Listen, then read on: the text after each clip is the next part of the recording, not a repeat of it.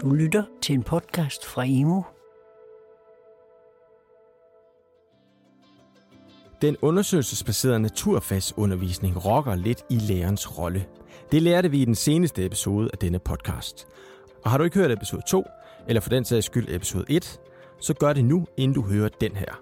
For så får du helt styr på det grundlæggende om at arbejde undersøgelsesbaseret, og mere specifikt, hvad lærerens rolle er i denne undervisningsform. I denne sidste af tre episoder taler jeg nok en gang med en ekspert i den undersøgelsesbaserede naturfagsundervisning, nemlig Grete Beiskær, som blandt andet underviser nye lærere i at anvende UPNO i skolen. Og så taler jeg også med en ekspert i, hvordan det foregår i praksis, altså en lærer. Det skal handle om, hvor vigtigt det er for udbyttet af undervisning, at den er elevstyret, hvordan man kan arbejde med at få alle elever med, både i forhold til, hvordan man kan hjælpe dem, der er fagligt mest udfordret, men også hvordan man kan udfordre de allerdygtigste. Det kommer også til at handle lidt om forskellen på at anvende den undersøgelsesbaserede undervisning på mellemtrinnet og i udskolingen.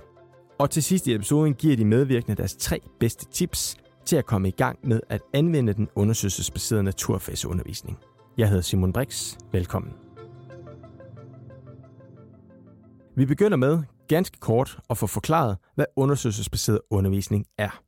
Men det er en mere elevstyret undervisning end en traditionel undervisning, og det er en undervisning, hvor øh, eleverne selv er med til øh, i mere eller mindre grad at finde ud af, hvad for nogle problemstillinger de gerne vil arbejde med, og i mere eller mindre grad at være med til at designe, hvad for nogle undersøgelser de så vil, vil øh, belyse den her problemstilling tidligere med. Grete Bejsk her er Ph.D.-studerende på Institut for Naturfagenes Didaktik, og så underviser hun lærerstuderende i geografi på Københavns Professionshøjskole, blandt andet i at arbejde undersøgelsesbaseret. Hvorfor er det smart at arbejde undersøgelsesbaseret? De mest hårdt slående og vedvarende argumenter omkring at gøre det, det er motivation for naturfagsundervisning. Fordi det er en, øh, en evig udfordring og diskussion, at der ikke er nok elever, der synes, naturfag er interessant, og jo større de bliver, jo mindre synes de, øh, naturfag interessant, og der er øh, rekrutteringsproblematikker omkring øh, de naturvidenskabeligt baserede uddannelser. Så man har så prøvet at finde ud af, hvordan, hvorfor er det, at elever synes, at naturfag er så svært, og øh, hvorfor også sådan lidt i forlængelse af det, synes, at naturfag er kedeligt, eller siger, at de synes, at naturfag er kedeligt. Øh, og så vil man gerne have en lidt mere sådan, jamen prøv lige at se, hvor spændende det kan være, hvis I selv er med til at undersøge det her, og undersøge noget, der er relevant for dem. Og så er der så også øh, det, at man at det er, det er også en, en måde at danne eleverne på til at få, øh, få en forståelse af, hvad, hvordan naturvidenskabelig viden bliver arbejdet med øh, og konstrueret. At selv at få en forståelse for, hvad, hvad vil det sige det her med at stille spørgsmål, og hvordan kan vi stille de gode spørgsmål, og hvordan kan vi så undersøge det, når vi har stillet et godt spørgsmål.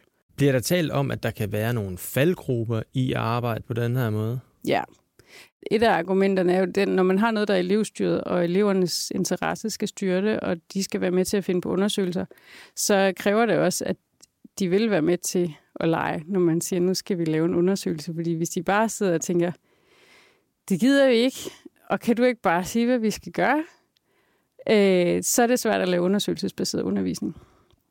At det er den ene af dem, at, at det, det kræver, at eleverne er med. Så elever skal altså være på, men er de så det? Det har jeg spurgt naturfagslærer Mette Mellerup om.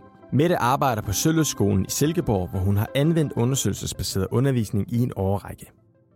Hvad oplever du, at dine elever de får ud af at arbejde undersøgelsesbaseret?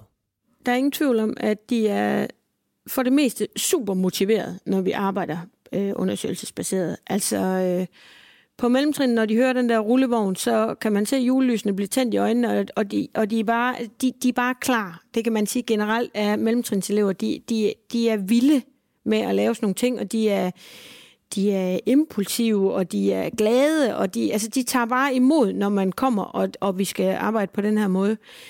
Men jeg synes også, de store elever, altså overbygningseleverne, de går faktisk til den med krum hals, når vi skal arbejde på den her måde. Øh, jeg kan også godt nogle gange blive øh, sådan lidt fortvivlet over, hvor, hvor, hvor, hvordan de egentlig mangler altså, almindelige kompetencer. Øh, det kan være, at der skal skrælles en kartoffel til et osmoseforsøg, eller det kan være, at der skal puttes pottemuld i, i nogle potter, og altså, hvor man kan sige ting, som jeg på forhånd overhovedet ikke havde tænkt over, okay, det her, det kan faktisk gå hen og i sig selv blive nærmest en, en udfordring for dem. Altså, det der med at have noget i hænderne, det er der rigtig mange af de store elever, det er de faktisk ikke meget vant til. Altså, de er så vant til, at, der, at, at deres undervisning, deres liv, det er bag en computer. Ja. Øhm, så bare det, at man skal noget andet for dem, det kan faktisk være øh, faktisk nærmest lidt grænseoverskridende. Okay. Øhm, men, men jeg synes generelt, når man arbejder på den her måde, at der er, der er altid en, der er en god stemning, og der er, sådan, altså der, der er jo flow i klasserummet, når vi arbejder på den her måde. Og igen, altså, jeg har faktisk også hørt op, i, i, op ved de store klasser, altså det der med, når klokken ringer, så er de faktisk lige i gang. Og det, det er jo bare fedt, når man, når man når dertil, altså at de er så optaget af det, de laver, at de ligesom glemmer tid og rum. Opstår der ikke nogle, nogle udfordringer, måske nogle frustrationer hen ad vejen hos, hos eleverne, der er vant til, at, at du kommer med en masse svar, og lige pludselig så skal de selv finde svarene? Jo, det kan der, der kan godt op, der, der, der er helt klart, der er nogle elever, som ikke er vilde med den her arbejdsform. Altså fordi de kan bedst lide i bund og grund lidt øh, at læse en tekst og svare på nogle spørgsmål. Øh, og de bliver jo presset ud i, at når man lige pludselig skal undersøge noget, men, men det, er jo, det er jo lidt det samme øh, projekturene ligger op til. Øh, nogle af øh, afgangsprøverne, hvor man jo også skal undersøge noget. Øh, så jeg tror faktisk, at, at det er sundt for den type af elever, der egentlig helst vil det andet. Det man bare som lærer skal være opmærksom på, det er, at de elever, de skal selvfølgelig støttes de første par gange, hvor man arbejder sådan her. Men jeg oplever egentlig også at have tiden til at støtte de elever, fordi der er nogle andre, som jo er vilde med den her øh, undervisningsform, og som er dygtige til det. Så de kører sig selv, eller de kører selv med, med, med det, vi nu laver. Så det frigiver jo noget tid til, at jeg så kan være omkring dem, som måske lige har brug for lidt mere lærerstøtte. Og den ekstra lærerstøtte, Mette giver, deler hun op i to spor. Faglig støtte og rammemæssig støtte. Den faglige støtte giver hun ved at hjælpe eleverne på vej mod, hvor det er, de kan finde den gode idé, hvordan de kan opstille en hypotese og hvor de skal lede for at finde svar. For eksempel kan nogen have brug for at få repeteret ting, de tidligere har lært, og som er en forudsætning for en undersøgelse. For eksempel, hvad er det nu fotosyntese er? Den rammemæssige støtte handler om, at nogle elever skal lære at agere i den undersøgelsesbaserede undervisning. Mette oplever, som man måske kan forestille sig, at støjniveauet kan være højt, når elever render rundt i et lokale fyldt med spændende ting, som skal undersøges. Og her kan det nogle gange være nødvendigt at tage enkelte grupper eller elever til side og have en snak om, at selvom den undersøgelsesbaserede undervisning foregår under nogle bevægelige rammer, så skal man stadig arbejde fokuseret og på en måde, som giver ro til fordybelse hos alle elever. Men det her med, at den undersøgelsesbaserede naturfagsundervisning skaber rum til at give de elever, der måtte have brug for det ekstra støtte, det er noget, som Grete Bejske også høre fra de lærerstuderende. Altså der er det min erfaring også både fra mig selv og fra øhm, når studerende har været ude i praktik, at, øh, at det her er jo gruppebaseret undervisning. At det er jo ikke hele klassen, der går ind og laver en undersøgelse sammen. Det vil jo typisk være i grupper på, på en 3-4 elever. Og der vil det så være nemmere for læreren at kunne gå rundt og sige, okay, den der gruppe, det kører. Jeg stiller dem lige en 3-4 spørgsmål, og så vil man tit kunne gå videre, fordi nu har de set, at man har anerkendt det, de laver. De har godt gang i det, de har gang i, og så går man over til dem, som, som øh, hænger hen over bordet og ikke rigtig kan komme i gang med deres undersøgelser, og måske synes, det hele er lidt svært, og måske også virkelig kedeligt. Og så prøver at se, om man kan trykke på nogle knapper hos dem, så de kan, altså mentalt, så de kan, øh, kan komme videre med deres undersøgelser. Og så vil man måske have, hvis man er heldig, have lidt mere tid til dem, der har det lidt sværere i de der grupper.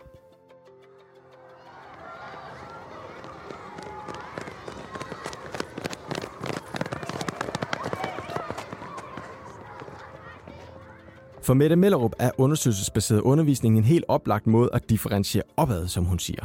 UPNO er ganske enkelt som skræddersyet til at udfordre de fagligt dygtigste elever, fordi de får lov til at arbejde selvstændigt ved selv at opstille hypoteser, og her kan man som lærer hele tiden hjælpe dem med at komme videre. For eksempel udfordre dem ved at spørge, hvad der vil ske, hvis der ændres på en variabel. Hvad vil det så have betydning for en given hypotese? Arbejder du egentlig anderledes med undersøgelsesbaseret undervisning i udskolingen, end du gør på mellemtrinnet? Ja, det tror jeg. Det, ja, hånden på hjertet, det gør jeg. Fordi jeg er ikke... Øh, I 7. og 8. vil jeg egentlig sige, der, der synes jeg egentlig, der er jeg okay til, ligesom nu det der forløb med mikrobitsene og, øh, og sluserne, og, og fange, hvis nogle af eleverne, de, de kommer med en idé. Men, men specielt når, man, når jeg er på 9. årgang, jamen i det øjeblik, de arbejder med de fællesfaglige fokusområder, det er klart, der skal de selv undersøge noget. Der bliver det meget undersøgelsesbaseret, fordi det er det, de skal.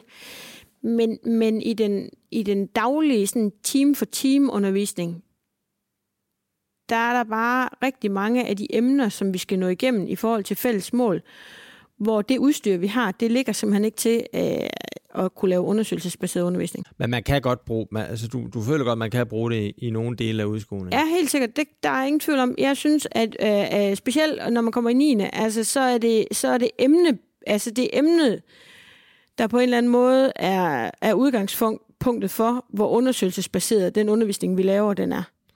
Hvad kunne være et godt eksempel på, øh, på noget, der fungerede godt i 9. klasse? Som er undersøgelsesbaseret? Ja. Jamen, det kunne for eksempel være øh, alt det her med planter. Øh, hvis vi snakker biologi, jamen så, så er det jo... Øh, altså, når vi snakker en, øh, nitrogens kredsløb og... Øh, øh, Altså det her med NPK-gødning, og hvordan laver man NPK-gødning, og kan, hvad, hvor meget kan planterne tåle, og altså, der er det jo, der er det jo totalt undersøgelsesbaseret, og, og det eneste, de nærmest får, det er, jo, det er jo bare noget jord og nogle frø, og så er det ellers bare at gå i gang med at, at undersøge noget. Øhm, og der, er de, der, er de, der kan man sige, der er de også ved at være, være færdige undersøg, i, eller i undervisningsforløbene. Så der ved de jo godt, okay, der skal laves nogle hypoteser, det starter vi med. Og sådan, altså, så der, der bliver det sådan mere, øhm, altså det bliver jo, det bliver stadigvæk undersøgelsesbaseret, men det bliver efter den naturvidenskabelige arbejdsmetode, at de kommer til at arbejde med at lave de her undersøgelser, fordi de skal undersøge nogle forskellige hypoteser. Det, jeg synes er aller, aller vigtigst, det er, at man som lærer øh, forholder sig til, hvad det er for nogle elever, man har, hvad de synes er interessant, og også hvad der sådan sker. Fordi for eksempel øh, så sidste år, så ville det nok have været ret relevant at arbejde med øh, sådan nogle smittespredningsøvelser og øh, hvad hedder det, at finde ud af, hvad, hvis vi nu putter sådan noget øh, stof på hænderne, som man kan finde, se med ultraviolet lys, så kunne vi gå rundt og undersøge det og, bruge, og finde ud af og snakke med eleverne om, hvordan kan man bruge sådan en øvelse. Men i, og så i dag vil man nok ikke gøre det, fordi at corona hænger eleverne langt ud af halsen. Så, altså, så det handler om at finde ud af, hvor eleverne er, og hvad de, hvad de har synes var interessant. Selvfølgelig også lidt om, hvad de skal til eksamen i, og lidt om, hvad de kan i forvejen. Men at møde dem der, hvor de er, og, og tage dem ind i aktuelle debatter og temaer, fordi der er altid naturfag i avisen, og så tage dem ind. Det er, fordi jeg, jeg tror ikke, jeg synes, at der er nogen emner, der ikke egner sig til det. Med mindre at det er sådan noget, hvor man tænker, at jeg tager det her tema om Fukushima, fordi det er så aktuelt, og man så glemmer, at der faktisk er løbet meget vand under åen, siden der var en katastrofe omkring Fukushima.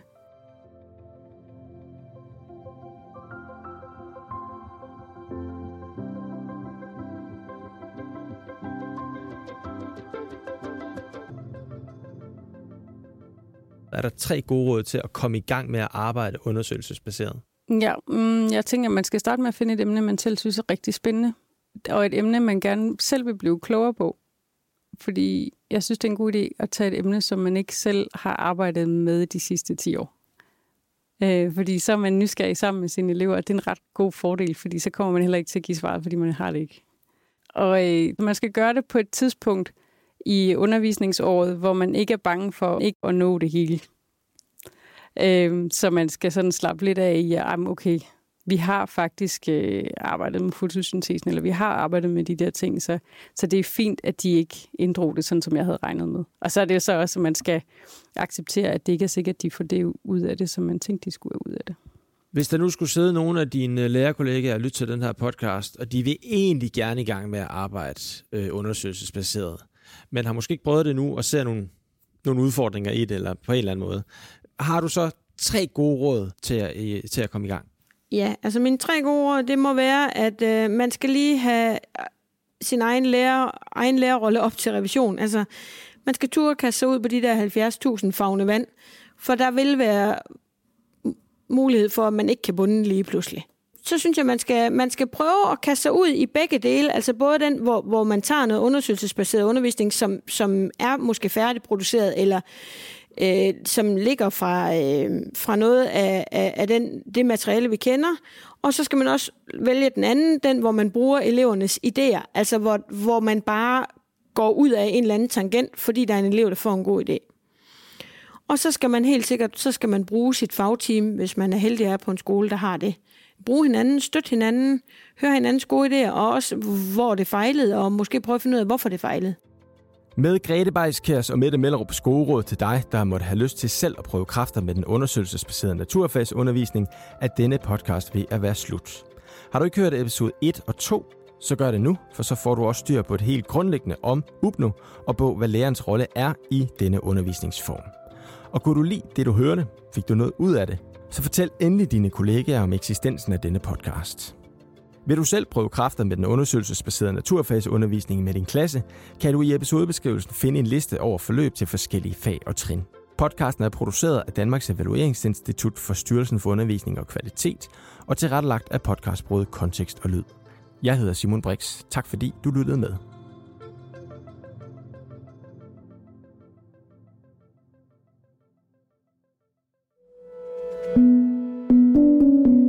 Du har lyttet til en podcast fra Emu. Find mere viden og inspiration på emu.dk.